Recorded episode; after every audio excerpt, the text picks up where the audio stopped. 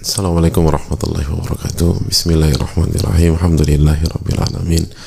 Wabihi nasta'in ala umuri dunia wa din Wassalatu wassalamu ala ashrafi anbiya wal mursalin Wa ala alihi wa sahbihi wa man ala nahjihi bi ihsanin ila yaumidin wa ba'd. Allahumma inna nas'aluka ilman nafi'a wa na'udhu bika min ilmin ala yanfa' Hadirin Allah muliakan Alhamdulillah kita panjatkan puji dan syukur kita kepada Allah Tabaraka Ta'ala atas nikmat yang Allah berikan kepada kita Sebagaimana salawat beriring salam semoga senantiasa tercurahkan kepada Rasulullah alaihi salatu wassalam beserta para keluarga, para sahabat dan orang-orang yang istiqomah berjalan di bawah naungan sunnah beliau sampai hari kiamat kelak. Allahumma salli wa sallim wa barik wa an'im ala nabiyina Muhammad wa ala alihi wa sahbihi ajma'in. Hadirin Allah muliakan Alhamdulillah kita bersyukur kepada Allah Subhanahu wa taala yang telah kembali mempersatukan kita di majelis yang mulia ini dan semoga hadirin khususnya ibu-ibu sekalian dijaga oleh Allah Subhanahu wa taala dan diberkahi oleh Allah Tabaraka wa taala. Dan semoga kita bukan hanya mendapatkan uh, wawasan atau ilmu teori tetapi juga mendapatkan iman dan tambahan ketakwaan. Dan itulah tujuan kita belajar untuk bertakwa kepada Allah Subhanahu wa taala. Innama yutlabul ilmu liyuttaqullahu bih. Sebagaimana dijelaskan oleh Imam Sufyan Ats-Tsauri rahimahullahu taala. Sesungguhnya kita ini belajar untuk bertakwa kepada Allah. Untuk bertakwa kepada Allah Subhanahu wa taala. Semoga Allah memberikan kita ketakwaan. Dan bisa memberikan kita keistiqomahan sampai akhir hayat nanti. Amin ya rabbal alamin.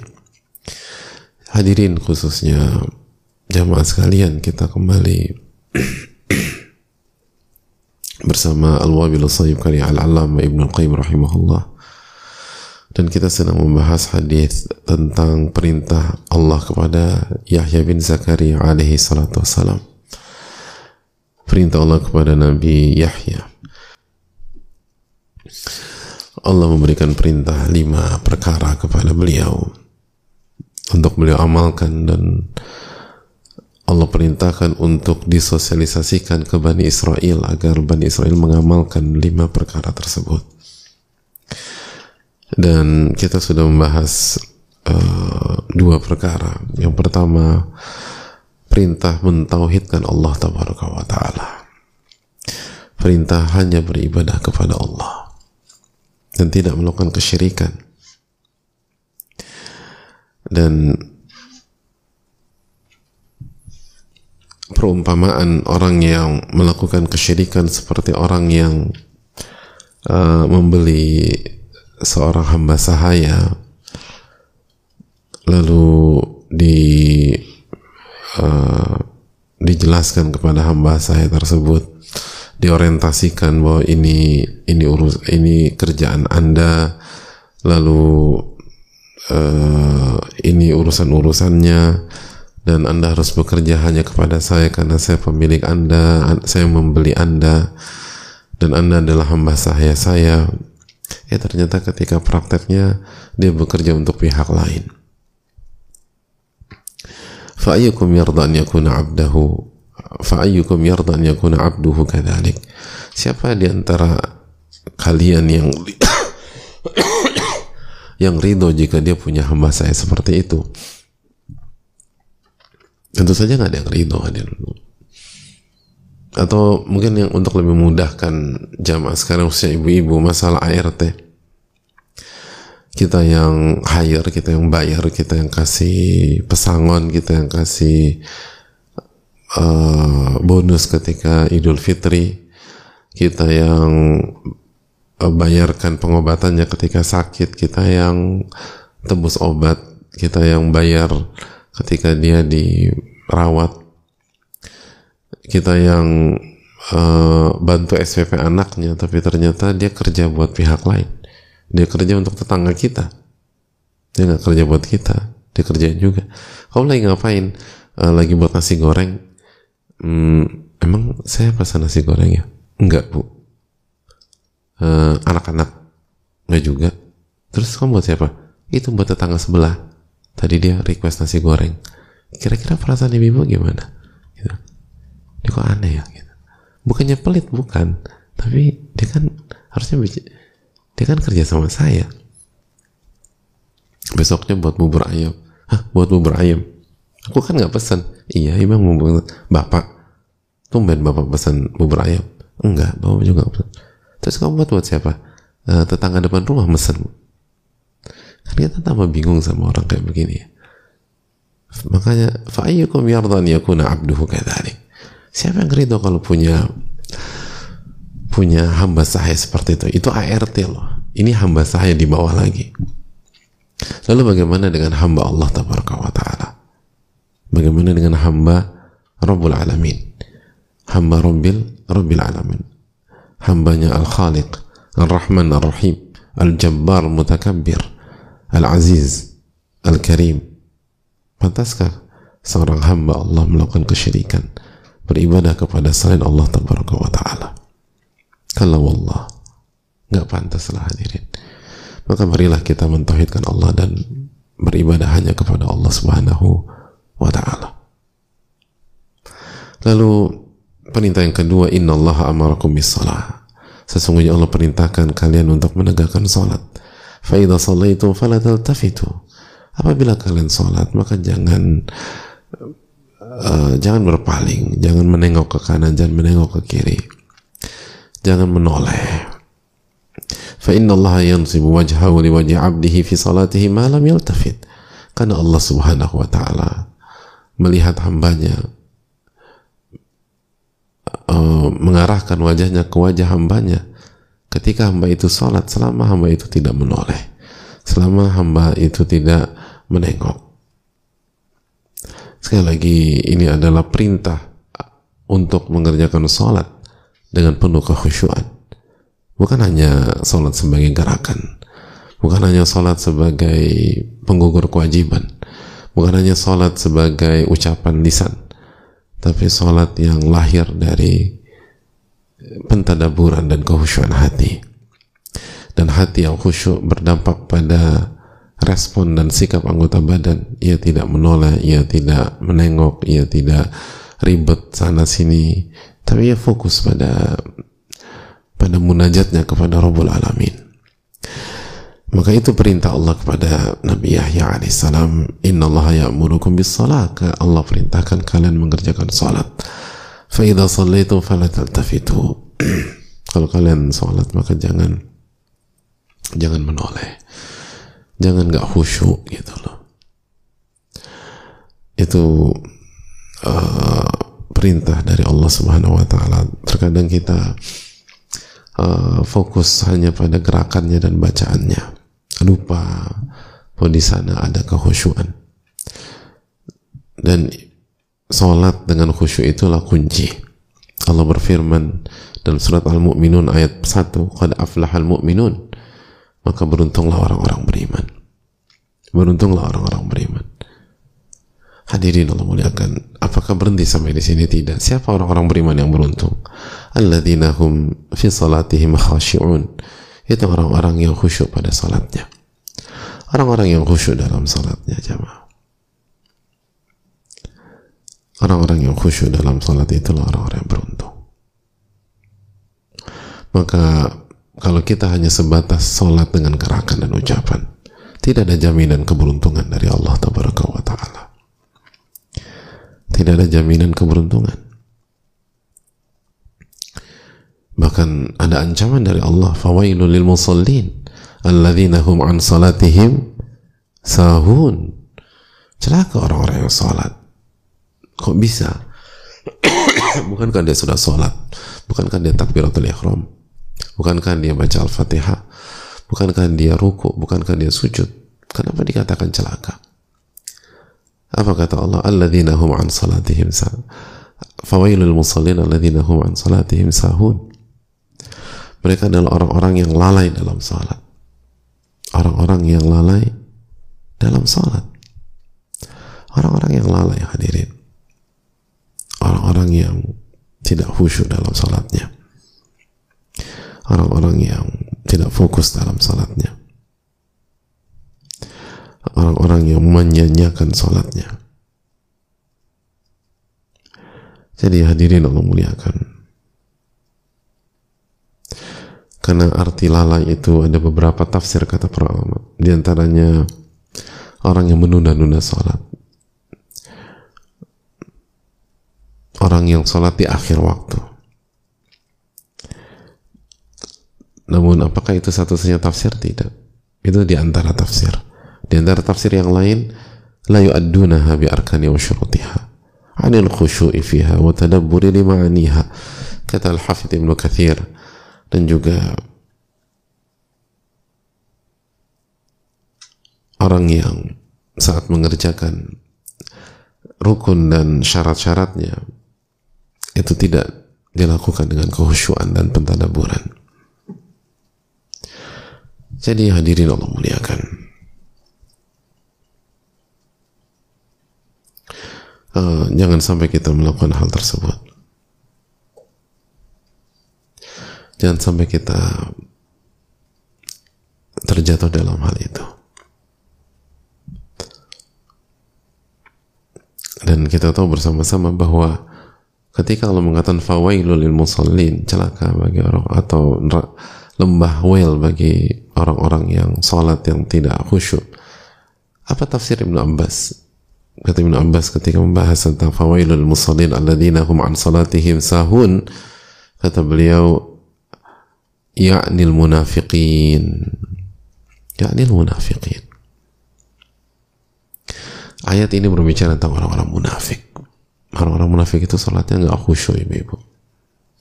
Maka kalau kita nggak khusyuk dalam sholat, jangan sampai sholat kita sama dengan sholat orang-orang munafik. Ta'udzubillah, thumma na'udzubillah. Saya lagi itu perintah dari Allah Subhanahu wa taala dan sebelum kita lanjutkan ada sebuah keterangan para ulama ini dijelaskan juga oleh Syekh Abdul Razak bin Abdul Musin Al-Abbad. Ketika ulama menjelaskan kullama aujabahu Allahu 'ala al-'abdi atau 'ala al-ibadi fa innahu la budda an yajiba 'ala al-qalbi semua hal yang Allah wajibkan atas hamba-hambanya maka semua kewajiban itu pasti melibatkan hati bukan hanya ucapan, bukan hanya gerakan, tapi hati juga diwajibkan melakukan hal tersebut. Hati juga harus terlibat. Jadi kaidah para semua kewajiban yang Allah perintahkan kepada kita itu pasti melibatkan hati dan harus melibatkan hati. Bukan hanya gerakan, bukan hanya ucapan.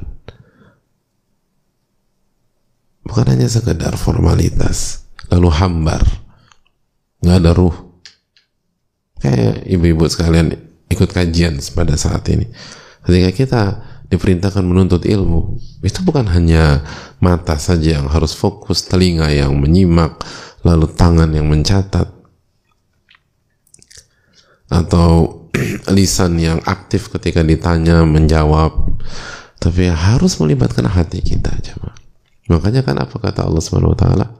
Innamal ilmu eh, maaf uh, ucapan para ulama ya inamal ilmu khasyah sesungguhnya ilmu itu rasa takut. Dan rasa takut adalah amalan hati. Kenapa ulama mengatakan demikian? Karena firman Allah Subhanahu wa taala innama min innama min ibadihi ulama. Sesungguhnya yang takut kepada Allah hanyalah para ulama. Oleh karena itu ini menunjukkan hadirin yang Allah muliakan setiap Allah wajibkan sesuatu maka pasti melibatkan pasti melibatkan hati apalagi sholat yang merupakan tiang agama. Sholat rukun Islam yang kedua. Maka perintah Allah SWT kepada nabinya dan kepada kita untuk sholat dengan khusyuk sholat yang melibatkan hati. Allah Ta'ala alam lalu yang ketiga hadirin ini Allah muliakan. Wa amarakum bisiyam Rabmu memerintahkan atau Rob kalian memerintahkan kalian untuk berpuasa. Fa inna mathala dzalika kamathali rajulin fi asabah. Dan perumpamaan atau orang yang berpuasa itu itu seperti orang yang berada dalam perkumpulan. Ma'ahu surrah fiha misk. uh, dia atau bersama dia ada satu kantung satu kantongan yang berisi kasturi. Berisi mis kasturi yang harum. Fakulluhum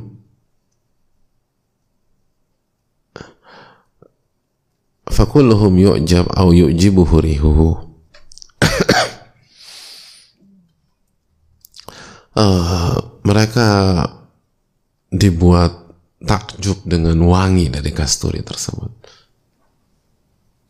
Ini wangi luar biasa, wangi wangi mereka tuh kagum dengan wangi, wangi enak banget nih kata mereka. Wa inna riha saimi atyabu inda Allah ta'ala min rihil misk. Lalu dijelaskan bahwa aroma mulut orang yang berpuasa itu lebih harum di sisi Allah daripada aroma kasturi tersebut. Allahu Akbar. Jadi aroma mulut orang yang berpuasa itu lebih harum, lebih wangi daripada kasturi yang membuat orang-orang di sekelilingnya berdecak kagum. Orang-orang di sekelilingnya berdecak kagum. sekali lagi sesungguhnya bau mulut orang yang berpuasa itu lebih harum di sisi Allah Subhanahu wa taala dibanding dibanding uh, kasturi. Dibanding kasturi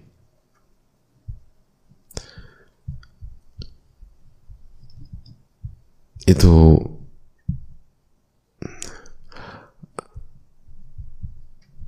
adalah sebuah keuntungan yang sangat besar. Keuntungan yang sangat luar biasa.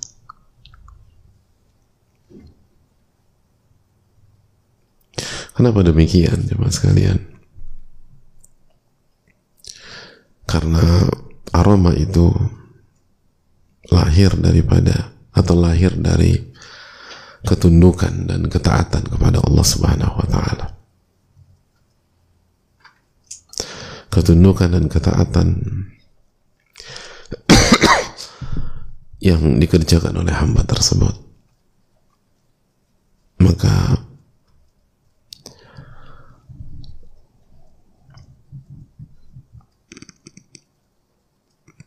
nggak bisa dibandingkan dengan parfum-parfum dunia, fragrance-fragrance dunia nggak bisa. Dan ini menunjukkan bahwa dampak atau efek ketakwaan itu sangat dahsyat. Dan melebihi dampak dari eh, hal-hal uh, alami. Coba kasturi atau misalnya ut gitu loh. Lalu bau citrus dan lain sebagainya itu kan wangi ya. Tapi itu diambil dari apa? Itu diambil dari kekayaan alam misalnya. Uh, diambil dari kayu gitu. Terus uh, citrus diambil dari buah-buah buah jeruk gitu. Rose diambil dari bunga.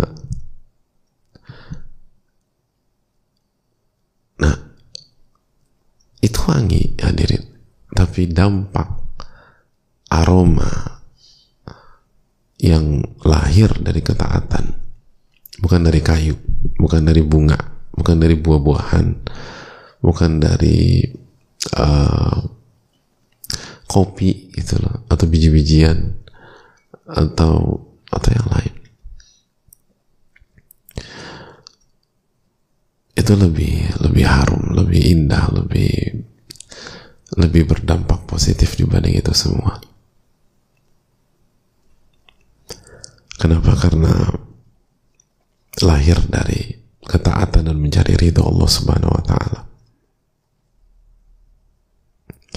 Oleh karena itu hadirin Allah muliakan walaupun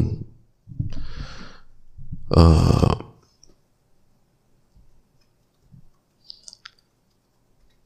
walaupun secara fisik mungkin tidak nyaman tapi kita harus yakin bahwa apabila kita taat kepada Allah apabila kita mencari ridho Allah Subhanahu wa taala pasti akan berdampak baik ke depan.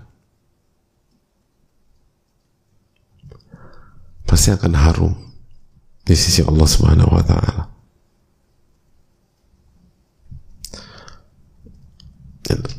Mungkin di masa di jangka pendek mungkin nggak enak. Itu kan aroma mulut orang yang berpuasa kalau kalau sekarang jangka pendek nih sekarang kan nggak enak mungkin.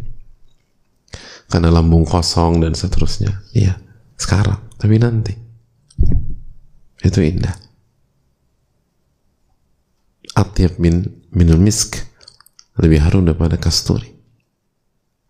Sama ketika uh, ibu-ibu berjuang, ibu-ibu hijrah. Mungkin di di uh, apa short term di jangka pendek mungkin ada ibu-ibu yang apa uh, capek, letih, keringetan, jungkir balik, kok berat banget hijrah itu, ibu-ibu.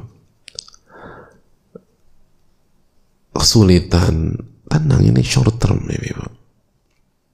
Kita bicara long term, kita bicara jangka panjang.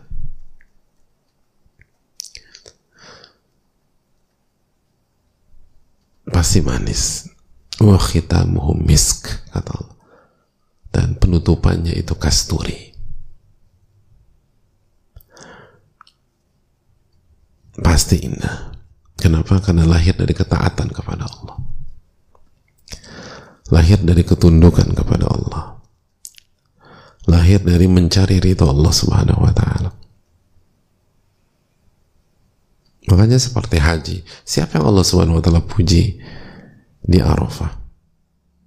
Sebagaimana dalam hadis dalam keutamaan Arafah yang Allah puji kan syu'atan gubara.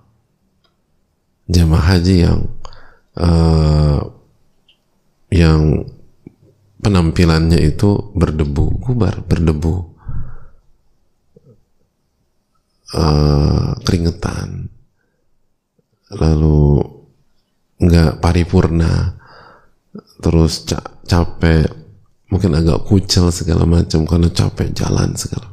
Itu yang Allah puji sama sekalian. Itu yang Allah puji.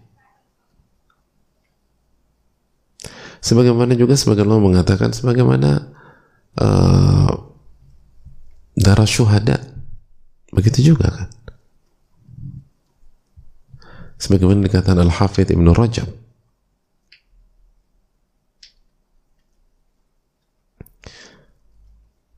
Nanti di hari kiamat warnanya warna darah itu sama merah. Nggak ada bedanya.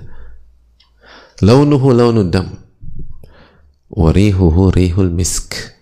Tapi aroma darah tersebut kasturi. Nggak amis. Jadi nanti Hamzah bin Abdul Muttalib kita tahu paman Rasulullah SAW yang syahid di perang Uhud. Itu hari kiamat. Itu darah beliau. Aromanya kasturi. Kenapa? karena itu tadi. Jadi hadirin Allah muliakan.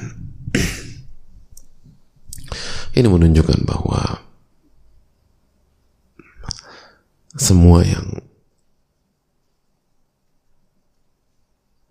semua yang uh, merupakan dampak dari ketaatan.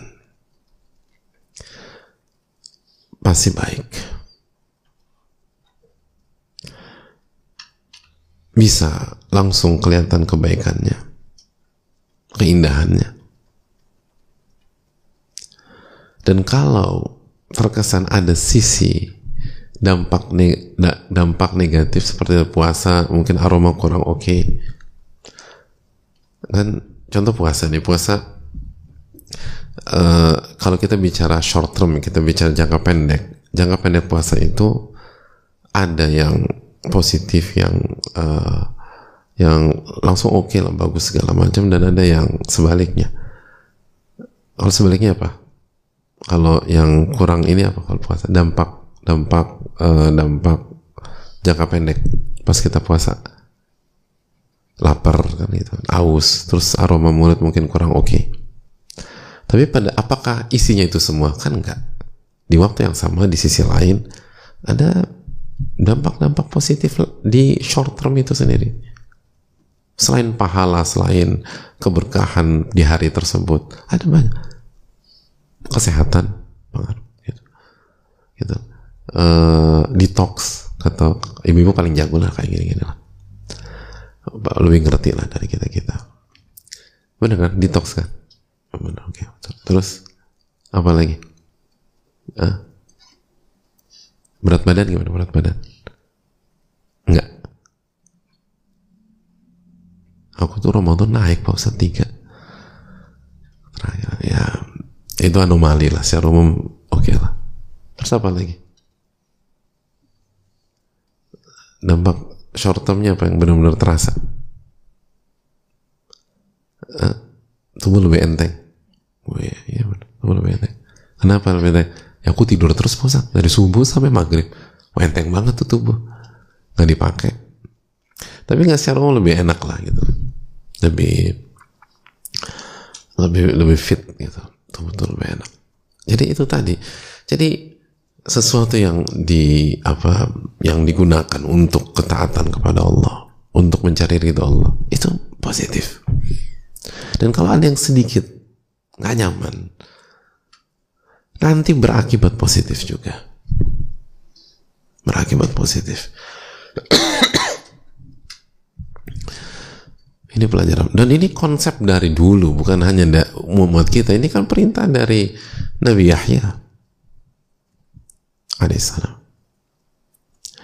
jadi ini memberikan pelajaran bagi kita khususnya ibu-ibu sekalian jangan pernah ragu untuk menjadi wanita soleha. Jangan pernah ragu untuk jadi wanita yang taat. Jangan pernah ragu untuk jadi wanita yang baik. Gak ada ruginya. Kalaupun kalau dianggap rugi dari satu dua sisi, hey, lanjutkan dong. Ceritanya dilanjutkan, jangan titik. Itu masih koma. Aku bawa mulut aku masih kayak kurang oke okay nih gitu loh. Padahal udah sikat gigi, sikat gigi terus. Iya, kata sebagian dokter mengatakan bahwa ini kaitannya bukan di rongga mulut tapi dari dari dalam, dari lambung dan seterusnya. Oke, kalau itu dianggap sabar dong. Karena itu di sisi Allah itu lebih harum daripada kasturi.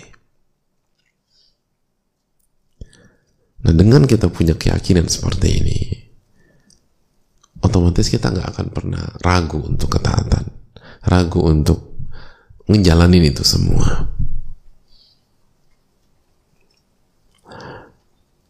Karena pasti menguntungkan. Pasti memberikan manfaat. Nah, tinggal kita mau percaya apa tidak. Dan nggak ada alasan untuk tidak percaya. Sudah dibuktikan kalau kita bukan orang pertama kali yang menjalankannya.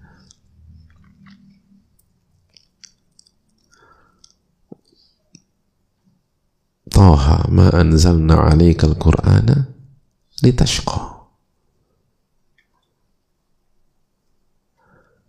Toha Inna anzalna al-Qur'ana eh, ma anzalna alaika al-Qur'ana litashqa. Kami nggak turunkan Al-Qur'an untuk membuat engkau sengsara. Lalu ayat berikutnya apa ayat ketiga? Illa tadkiratan liman yakhsha. Ini peringat bagi orang-orang yang takut kepada Allah Subhanahu wa taala.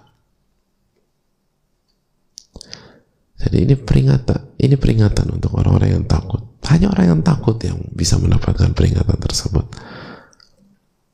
Dan Al-Quran bukan untuk menyengsarakan. Al-Quran bukan untuk menjatuhkan.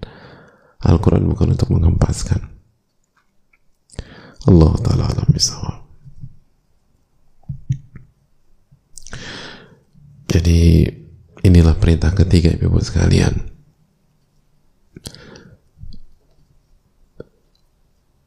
Semoga Allah memberikan taufik kepada kita dan kita buka sesi tanya jawab. Wassalamualaikum.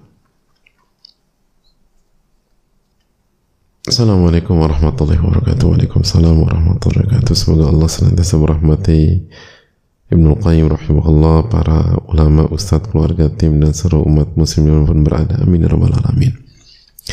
Izin bertanya Ustaz-Ustaz jika seseorang pernah zalim pada orang lain dan ketika sadar sudah tidak bisa bertemu langsung dikarenakan sudah berbeda daerah dan telah berusaha menghubunginya namun nomornya sudah tidak aktif lagi apakah bersedekah atas nama seorang yang pernah dizolimi bisa menggugurkan dosa atas atas nama seseorang yang pernah dizolimi bisa menggugurkan uh, bersedekah atas nama seseorang yang pernah dizolimi bisa menggugurkan dosa atas kezalimannya. Atau Ustaz.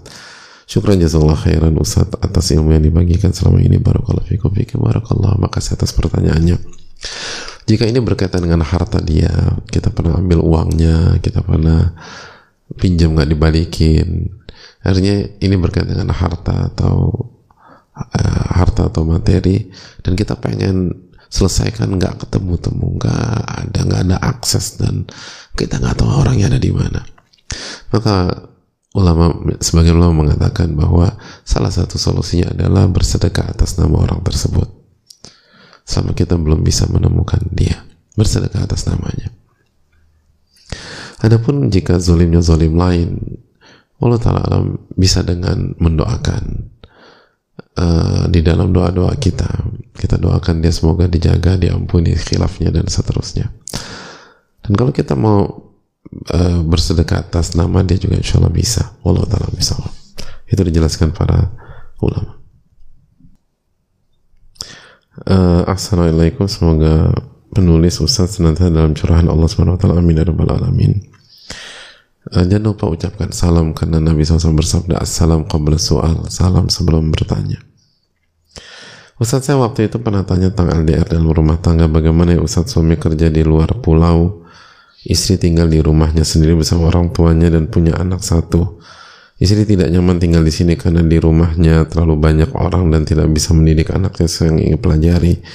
Tetapi suami tidak bisa membawa istri dengan alasan ia ingin bertemu orang tua, orang tua yang satu kota dengan istri. Kalau membawa istri hanya bisa pulang setahun sekali. Mohon penjelasannya Ustaz, terima kasih. Ya, uh, terima kasih atas pertanyaannya. Uh, intinya pilih yang yang pilih opsi yang membuat kita bisa menunaikan kewajiban-kewajiban kita sebagai suami. Sebagai suami sebagai istri sebagai orang tua sebagai anak gitu loh. Dan pilih opsi yang paling mengakomodir itu semua dan jangan sampai kita fokus ke satu kewajiban tapi kita lupa kewajiban yang lain. Sekali lagi uh, berumah tangga dan uh, memiliki anak adalah sebuah uh, atau tidak lepas tidak bisa dilepaskan dengan sebuah uh, tidak bisa dilepaskan dengan keputusan kita. Yang kita yang kita buat dan kita pilih dan semua keputusan ada konsekuensi maka tunaikan konsekuensinya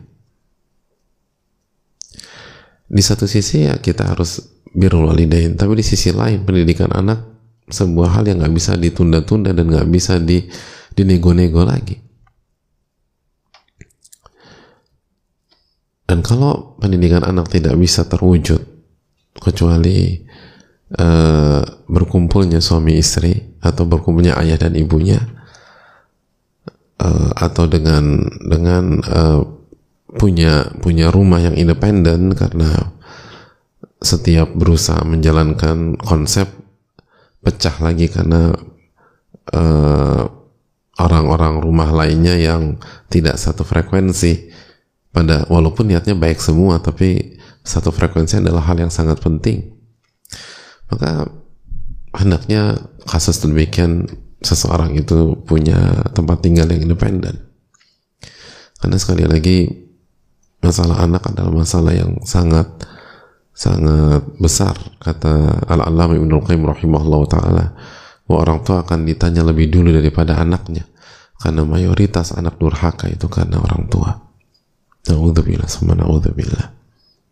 Maka kalau kita berbicara tentang anak siap pertanyaan siapa kita jika kita ditanya oleh Allah Subhanahu wa taala pada hari kiamat? Apa jawaban kita? Lalu ada pun mengunjungi orang tua. Selama kondisi normal ya selama kondisi normal maka satu tahun sekali secara urf kita, urf orang timur orang Indonesia itu masih masuk gitu loh. Memang bukan bukan frekuensi yang terbaik, tapi satu tahun sekali untuk orang Indonesia secara kultur, secara uruf itu masih masuk. Ya nggak sih? Ibu. Iya kan? Kan pada dasarnya kan ngunjungin itu paling enggak itu pas lebaran, pas mudik. Itu kultur orang Indonesia. Paling enggak ya. Itu minimum gitu. Ya kalau bisa setiap bulannya bagus. Bisa setiap pekan lebih bagus lagi. Tapi kultur kita tuh masih ranah toleransi. Bahkan mungkin itu ranah minimum.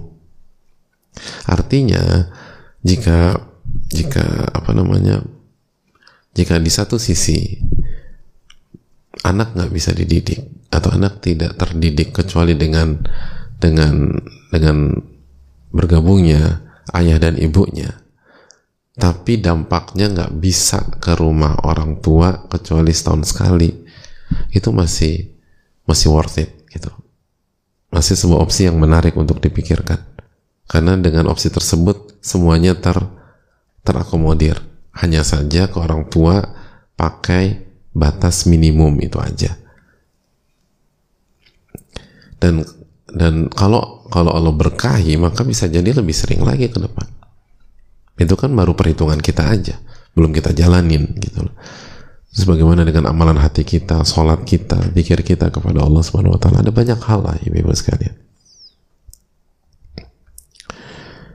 dan juga LDR nggak apa nggak ideal gitu apalagi hari-hari ini gitu nggak mudah ada banyak apa ada banyak ancaman fitnah gitu loh bukan berarti kita suudon enggak. Ada yang berhasil kok tapi saya hanya katakan tidak mudah dan tidak ideal. Itu pertama uh, untuk menjaga diri dari fitnah. Terus yang kedua LDR itu sulit untuk membangun uh, kon, uh, membangun pondasi rumah tangga yang kokoh. Sulit bukankah uh, suami juga punya punya apa punya punya kewajiban mendidik istri kalau LDR gimana cara didiknya mungkin bisa tapi nggak maksimal bahkan ada sebagian yang LDR jangankan didik telepon aja udah prestasi itu cuma sekedar telepon ada banyak nggak ditelepon sama suaminya kecuali beberapa hari padahal cuma cuma sekedar WA biasa padahal kan tugas suami bukan hanya bukan bukan sebatas WA istri. Tugas suami bukan hanya sekedar telepon istri. Tugas suami itu mendidik istri. Ku anfusakum wa ahlikum Nah, jagalah diri kalian dan keluarga kalian dari siksa api neraka. Dan masih ingat tafsir Ali bin Abi Thalib radhiyallahu taala anhu tentang menjaga dari api neraka? Kata Ali bin Abi Thalib, kata Ali bin Abi Thalib radhiyallahu dengan mengajar mereka mengajarkan mereka agama dan mendidik mereka mendidik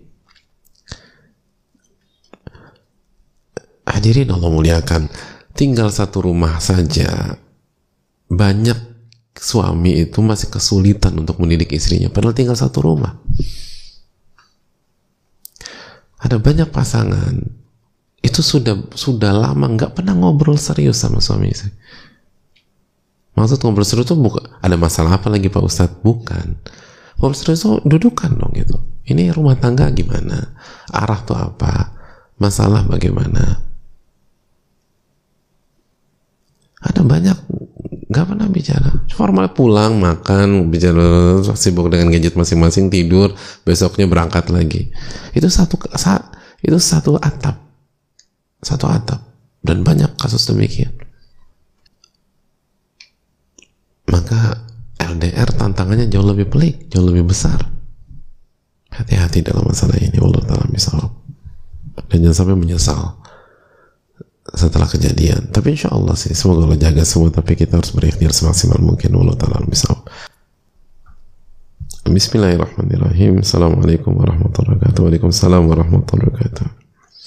Allahumma Rabban nas adhibil bas ishfi wa anta syafi la shifa ila shifa wa shifa la yakun saqam amin wa alamin Jazakallah khairan Semoga Imam Nul Qayyim guru dan guru selalu diberikan keberkahan oleh Allah. Ustaz tim kaum muslimin semuanya selalu diberikan perlindungan penjagaan kesehatan dari Allah Subhanahu wa taala. Amin ya rabbal alamin. Ustaz jazakallah khair atas ilmunya yang sangat bermanfaat. Jazakallah khair atas adabnya. Ini ilmunya ilmunya para ulama yang disarikan dari Al-Quran dan Sunnah Nabi SAW eh, adapun kita hanya copy paste saja. Itu pun bisa jadi ada khilaf, ada kekeliruan dan semoga Allah ampuni segala khilaf dan kekeliruan. Amin ya rabbal alamin. Ustadz bagaimana cara untuk menghilangkan ketakutan karena trauma dan bingung ambil keputusan? Qadarullah aku disuruh dokter pindah ke rumah sakit yang lebih lengkap karena saya membutuhkan pengobatan di sana. Tapi saya takut untuk ke sana karena trauma di di sana ingat almarhum ibu saat menjalankan pengobatan leukemia. Saya udah nggak kuat kalau pindah saya udah nggak kuat kalau pindah RS dan menjalankan pemeriksaan ulang. Ustadz mohon doakan saya kuat menjalani, menjalankan penyakit dan ujian lainnya. Jazakallah khairan. Uh, wa iyyaku wa iyyaki jazakallah atas adabnya. Uh, as'alallahim rabbal arsyil azim kita meminta kepada Allah Subhanahu wa taala Rabb arsy yang mulia semoga Allah menyembuhkan penyakit penanya amin ya rabbal alamin dan penyakit kita semua amin ya rabbal alamin yang pertama uh, saya takut ke sana karena trauma ingat almarhum ibu yang menjalankan leukemia. Yang pertama, takdir kita beda, jamaah. Takdir ibu kita dan takdir kita berbeda. Takdir kita dengan saudara kembar siam kita aja beda. Gak sama. Jadi jangan masuk ke permainan syaitan yang akhirnya membuat kita trauma dan tidak produktif dan akhirnya berantakan dalam kesehatan hati kita sebelum kesehatan fisik kita. Jadi apa namanya uh, jangan jangan berpikir demikian. Kalau berpikir demikian repot misalnya. Contoh apa namanya nanti akan ada banyak anak pindah rumah setelah orang tuanya wafat ketika hidup di di rumah yang sama. Kenapa saya trauma nih? Ayah saya meninggal di sini. Atau istri pindah rumah karena suaminya meninggal. Kenapa saya trauma tinggal di rumah ini? Suami saya meninggal di sini. Gitu atau suami pindah rumah ketika istrinya wafat atau istrinya sakit kenapa saya trauma istri saya sakit dan dan meninggal di rumah ini jadi repot juga gitu nanti dari rumah rumah sakit nanti menyeb apa stadiumnya naik lagi saya trauma di kota ini suami saya meninggal di sini di kota ini. Akhirnya pindah rumah pindah pindah kota gitu. Dari kota ke provinsi. Ini provinsinya nih saya ayah saya meninggal di provinsi saya trauma. Nanti lama-lama ganti warga negara. Ayah saya meninggal di Indonesia saya trauma dengan Indonesia. Ada apa? Nanti habis pindah warga negara pindah benua. Ayah saya meninggal di Asia. Saya mau jadi orang Afrika aja. Ya repot nanti pindah ke Neptunus nanti mentok-mentok jadi adik hadirin ya Allah berikan penyakit itu stadiumnya nambah terus loh. Tutuplah tutuplah. Dan kuncinya apa? Zikrullah. Ingat sama Allah. Perbanyak sholat perbanyak berzikir kepada Rabbul Alamin. Itu yang pertama. Yang kedua uh, ingatlah ketika kita berobat kita menjalankan perintah Nabi kita sallallahu alaihi wasallam tadawu wala tadawu bil haram. Berobatlah kata Nabi alaihi salatu wassalam. Maka ketika penanya berobat maka penanya menjala, niatkan menjalankan perintah Nabi SAW dan mendapatkan pahala. Mendapatkan pahala. Ini nggak gratis. Nggak gratis. Mohon maaf bu pemeriksaannya harus diulang. Berarti pahala lagi tuh. Kalau memang harus diulang kalau enggak ya jangan diulang. Buang-buang waktu buang-buang uang buang-buang tenaga dan seterusnya. Tapi kalau memang harus diulang dan itu objektif itu objektif kita second opinion kita tanya mungkin beberapa pihak yang uh, apa expert di bidang itu kata mereka iya memang harus diulang. Ya udah ulang. Berarti pahala lagi tuh. Pahala lagi pahala lagi pahala lagi pahala lagi pahala lagi lalu ingat sabda Nabi alaihi salatu wassalam fa inna maradal mu'min yudhibu khataya kama tudhibun naru khabathal hadid sesungguhnya sakitnya seorang mumin akan menggugurkan dosanya sebagaimana api menghilangkan karat dari besi. Ini menggugurkan dosa. Menggugurkan dosa. Adapun ambil keputusan istikharah. Gak ada yang lebih ngerti tentang masa depan kita kecuali Allah Subhanahu wa taala. Istikharah lalu tawakal Allah jalani. Jalan yang paling paling kuat argumentasinya, jalan yang paling dimudahkan oleh Allah Subhanahu wa taala. Jalan Kalau memang itu yang terbaik, nanti Allah mudahkan. Kalau itu buruk, nanti Allah persulit gitu. Fasrifu anni wasrifni anhu. Itu kan permintaan kita dalam salat istikharah. Palingkan aku darinya dan palingkan dia dariku. Dipalingkan nanti. Allah Ta'ala bisa.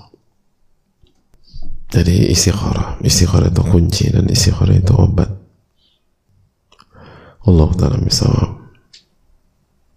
Assalamualaikum warahmatullahi wabarakatuh. Waalaikumsalam warahmatullahi wabarakatuh. Semoga para ulama selalu dirahmati oleh Allah. Amin. Amin.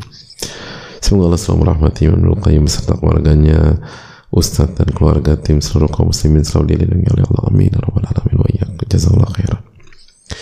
Ustadz ingin bertanya, saya sering kali keceplosan untuk mengomentari rasa makanan yang sedang dimakan, bahkan membanding-bandingkan ini enak dan itu nggak enak, terlalu asin, kurang pedas, dan lain sebagainya. Bagaimana agar bisa menahan lisan seperti ini Ustaz? Mohon nasihatnya jazakallahu khairan wa iyyakum.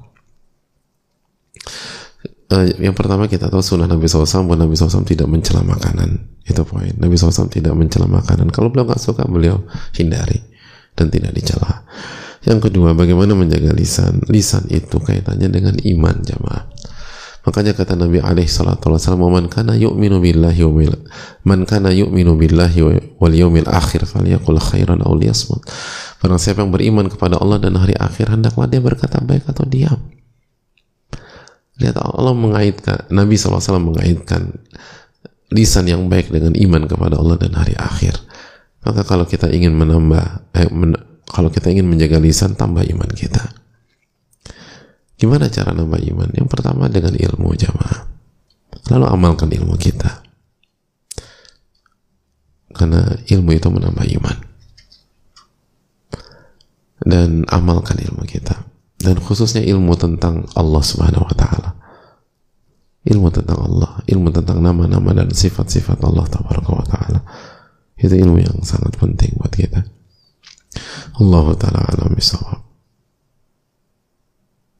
dan banyak doa sama Allah. Banyak doa untuk jaga lisan.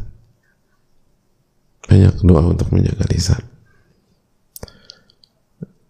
Dan kata Imam Nawawi sebelum berbicara berpikir terdahulu sebelum bicara berpikir itu latih sebelum berbicara berpikir apakah ini bisa saya pertanggungjawabkan di hari kiamat atau enggak? Apa ini bisa saya pertanggungjawabkan di hari kiamat atau tidak? Kalau ucapan ini nggak bisa saya pertanggungjawabkan jangan bicara Assalamualaikum warahmatullahi wabarakatuh Ustaz Waalaikumsalam warahmatullahi wabarakatuh Semoga Allah merahmati Imam Nawawi Para ulama, Pak Ustaz dan tim serta kaum muslimin Amin ya Rabbal Alamin Jangan lupa jangan lupa doakan Ibnu Qayyim rahimahullah taala. Semoga Allah semoga Allah merahmati beliau. Ustadz saat ini saya sedang kecewa dengan teman-teman saya dan memutuskan untuk sementara tidak bertemu dan mengurangi komunikasi. Apakah yang saya lakukan termasuk memutuskan silaturahim Ustadz? Semoga Allah memudahkan Ustaz untuk menjawabnya. Jazakallah khair Ustaz wa iyak. jawabannya boleh dengan syarat maksimum tiga hari. La yahjur al mu'min akhahul muslim la al muslim akhahul muslim fawqa thalatha kama qala. Tidak halal seorang muslim mendiamkan saudaranya lebih dari tiga hari. Jadi kalau mau diamin kalau memang kecewa berat mereka melakukan kesalahan boleh tapi tiga hari. Hari keempat kita harus komunikasi walaupun nggak intens.